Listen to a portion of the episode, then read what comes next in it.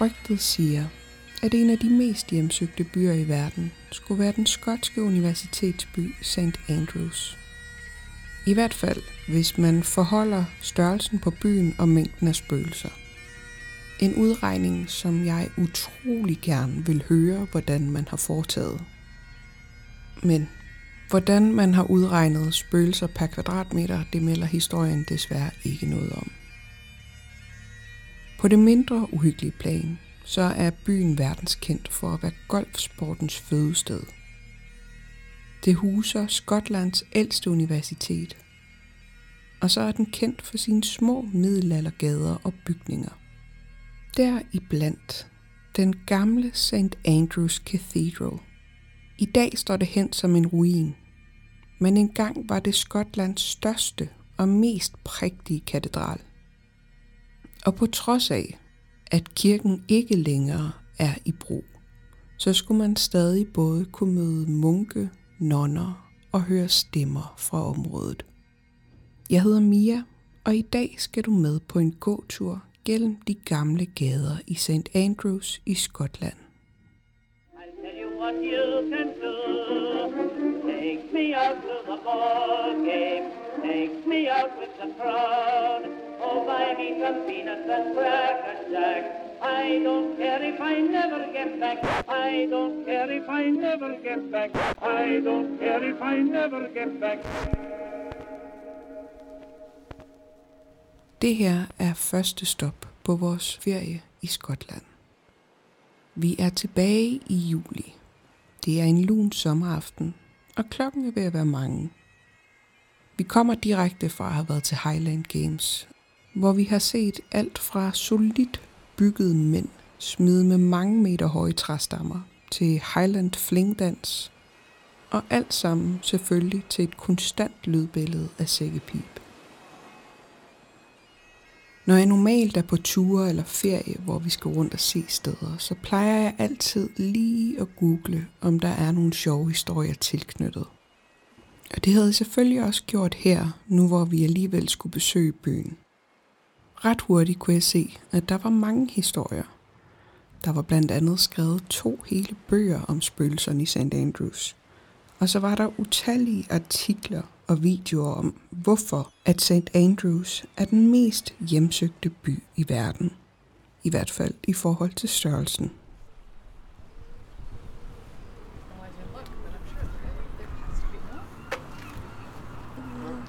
Og lige kunne hænge et kors og nogle lys og lidt hygge dag.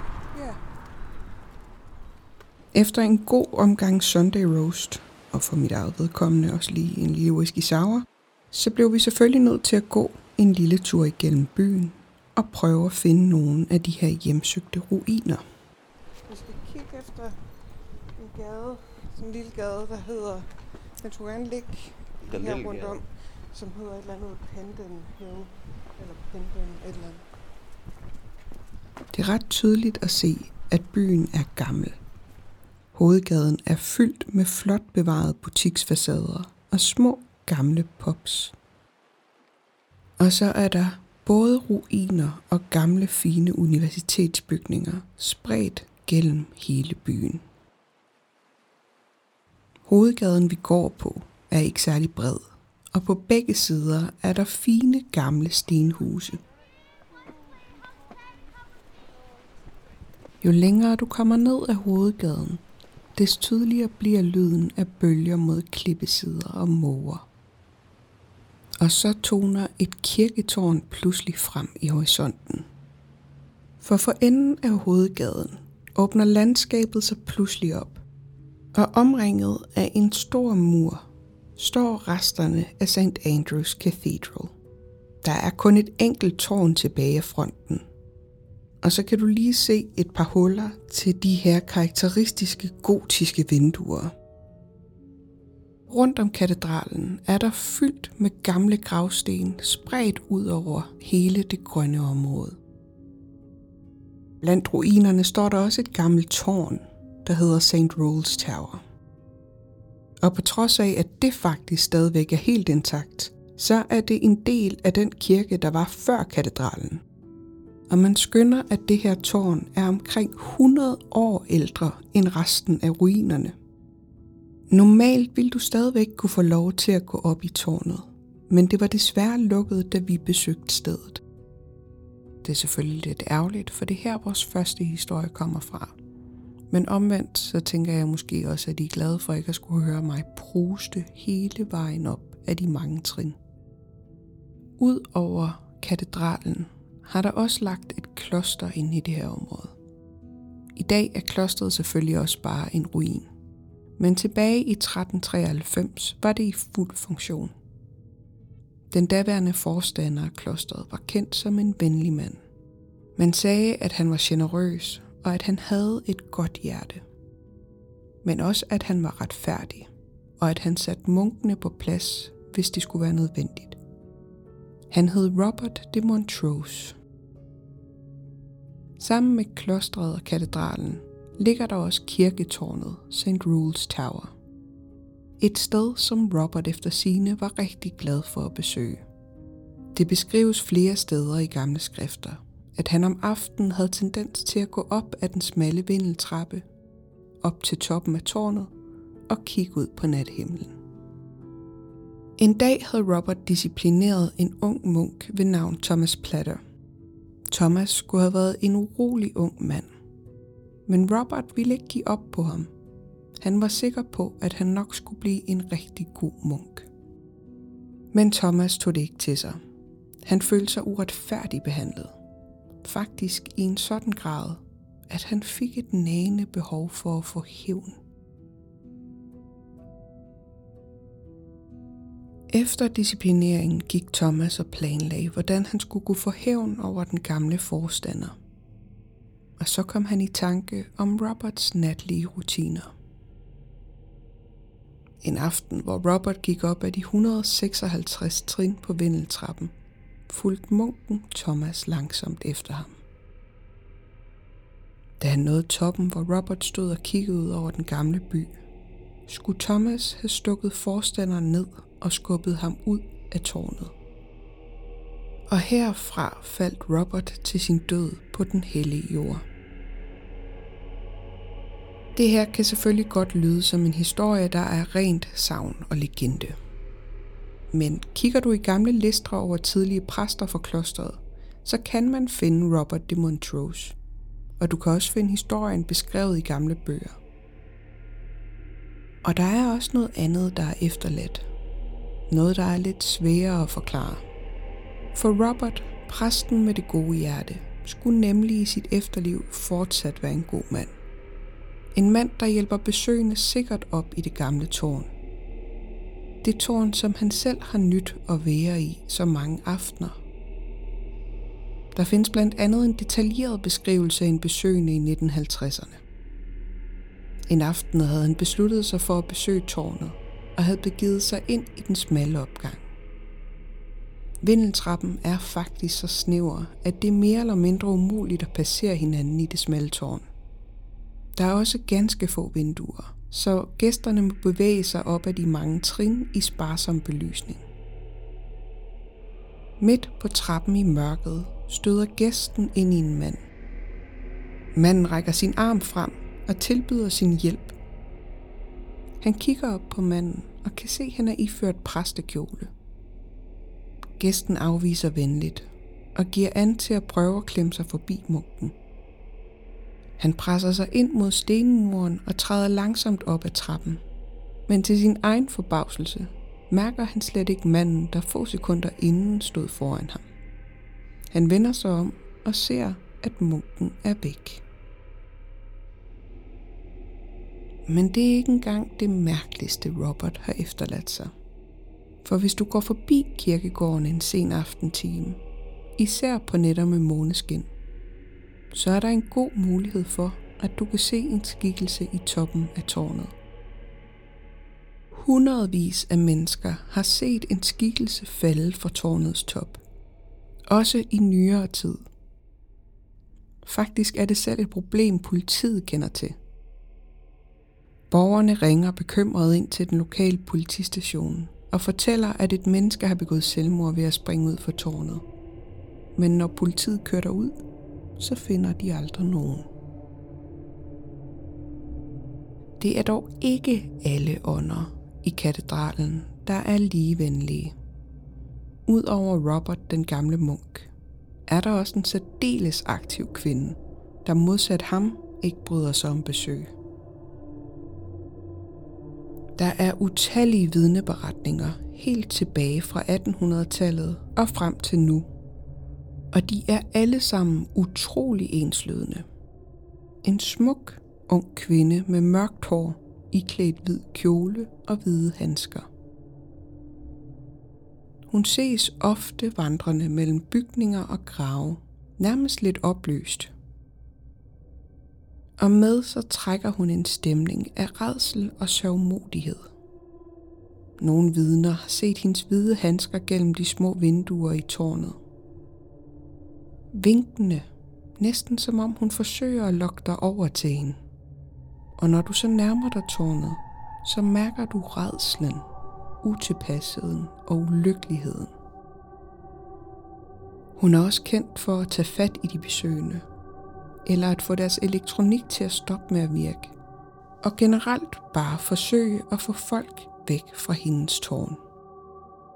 Og nu ser jeg hendes tårn, for der er måske en ret god grund til, at hun har det sådan. Der er nemlig beskrivelser af, hvordan stenhuggere i 1860'erne arbejdede på en væg i tårnet.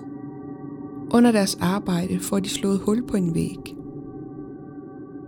Og da de kigger igennem sprækken i væggen, kan de se noget mellem stenene.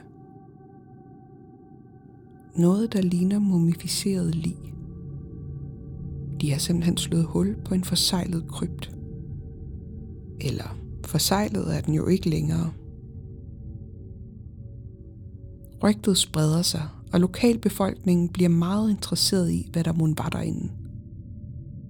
På den her tid var død noget spændende og næsten lidt fashionabelt. Man tog billeder med de afdøde og dyrkede den gotiske horror. Så led af en underviser fra det nærliggende universitet, beslutter man sig for at kigge nærmere på krypten. Flere af ligene er utrolig godt bevaret. Heriblandt er der en ung, mørkhåret kvinde, iført hvid kjole og hvide læderhandsker.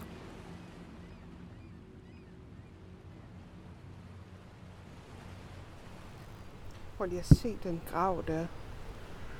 Den stikker helt op. Det er ligesom et udendørs mausoleum. Når du forlader katedralsområdet og går ud af kirkegården, ud af de gamle støbejernslåger, så står du tilbage ved vejen og kan se noget, der ligner en gammel bymur. I dag står kun resterne, men det har engang været en overdækket indgang til det gamle kloster. Selve velvingen, altså loftet, er væk i dag, men resterne af stenmuren over den runde indgang er der stadig. Ej, hvor er det sjovt, hva'? Man kan godt se, at det har været sådan noget kirkeagtigt. Gaden, der går ned her, hedder The Pence. Og det er en af de mest berygtede gader i byen. Det føles næsten som at træde ind i en anden tidsalder og gå igennem de gamle mure. Det er et område, hvor rigtig mange mennesker føler, at de bliver overvåget, eller kan mærke, at nogen følger efter dem. Men når de vender sig om, så står de alene på vejen. Måske er det fortabte sjæle, der stadig håber på hjælp og husly. For det var her, foran indgangen til klostret, at mange syge og døende søgte hjælp under pesten. I fortvivlelse søgte mange mennesker til kirken for at få hjælp, men de blev afvist. Eller det gjorde de ikke, for der blev ganske enkelt ikke lukket op til klostret. Så lige præcis her, hvor vi står nu, der lå de pestsyge mennesker og døde foran porten til den kirke, som de havde håbet på ville hjælpe dem. Jeg kan ikke helt finde ud af, hvor meget. Og så her nu. Jeg tog et billede ind i går. Går du en lille smule længere ned ad vejen, kommer du til en lille vej, der hedder The Nuns Walk. Den går ned langs gamle stenbygninger forbi en kirke, der stadig er i brug, og fortsætter hen til en skole. Den er smal og velbevaret og fin. Men på trods af, at den umiddelbart ser hyggelig ud, så er der rigtig mange lokale, der undgår den her genvej, når de skal hjem om aftenen.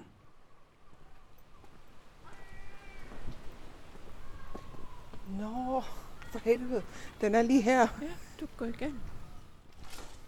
En hundeejer beretter blandt andet om en gåtur med sine to glade terrier. De havde lovret glade snust og leget på deres gåtur til de nåede Nuns Walk. Begge hunde stirrede ned mod passagen, som om de havde fået øje på noget. Eller nogen. Pludselig pev begge hunde og krøb sammen med halen mellem benene.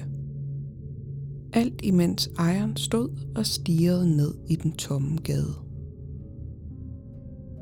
Nuns Walk lyder måske meget uskyldigt eller beroligende, men sandheden er en ganske anden. Vi slutter vores lille gåtur af hernede, med historien om nonnen bag sløret. Det må her, for jeg kan huske det der våbenskjold på billedet, der er over, Hmm. Øh, over indgangen. Lige præcis her, der var der en, øh, en kvinde. Så det lyder sådan lidt voldsomt. Men øh, der var en, øh, det bliver kaldt Og da jeg skal til at fortælle min familie om, hvad det er, der er sket lige præcis her, så er der en orgelspiller inde i kirken, der begynder at øve sig. Så det kan du høre i baggrunden lige om lidt. Sådan for, for ikke så lang siden. noget religi- en anden religion. Og sådan. Nej, nej, det er way back. Der er gang i år.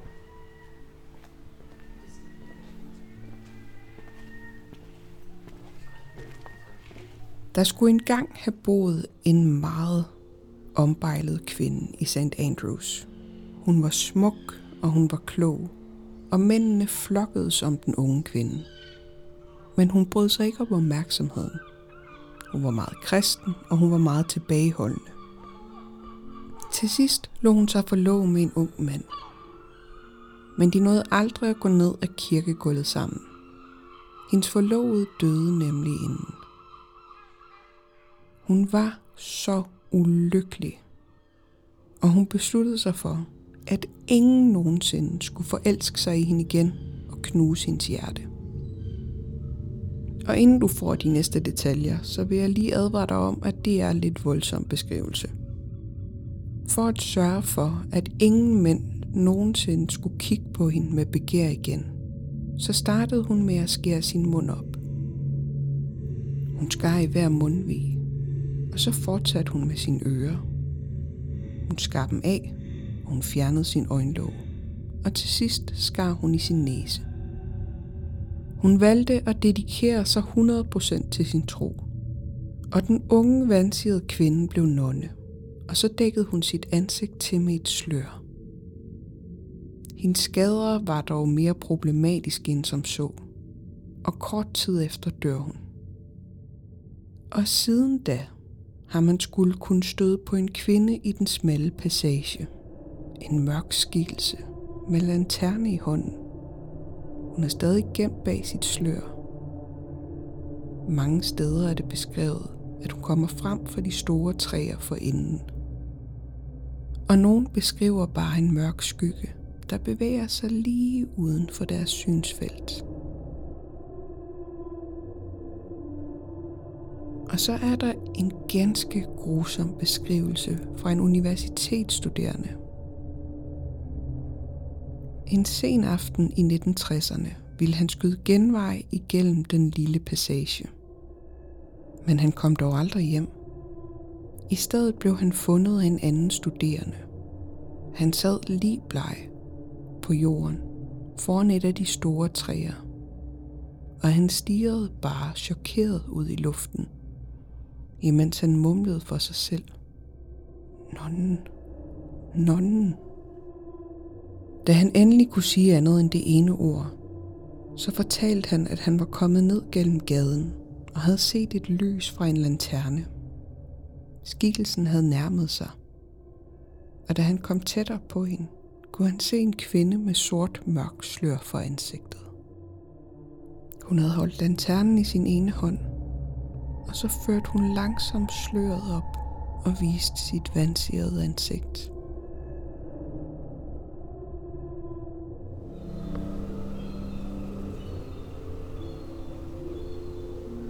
Hvis du nogensinde er i Skotland, så er St. Andrews helt sikkert et besøg værd. Det er en hyggelig lille by, som giver dig lidt en følelse af at være tilbage i tiden. De gamle middelaldergader og ruinerne rundt omkring i byen.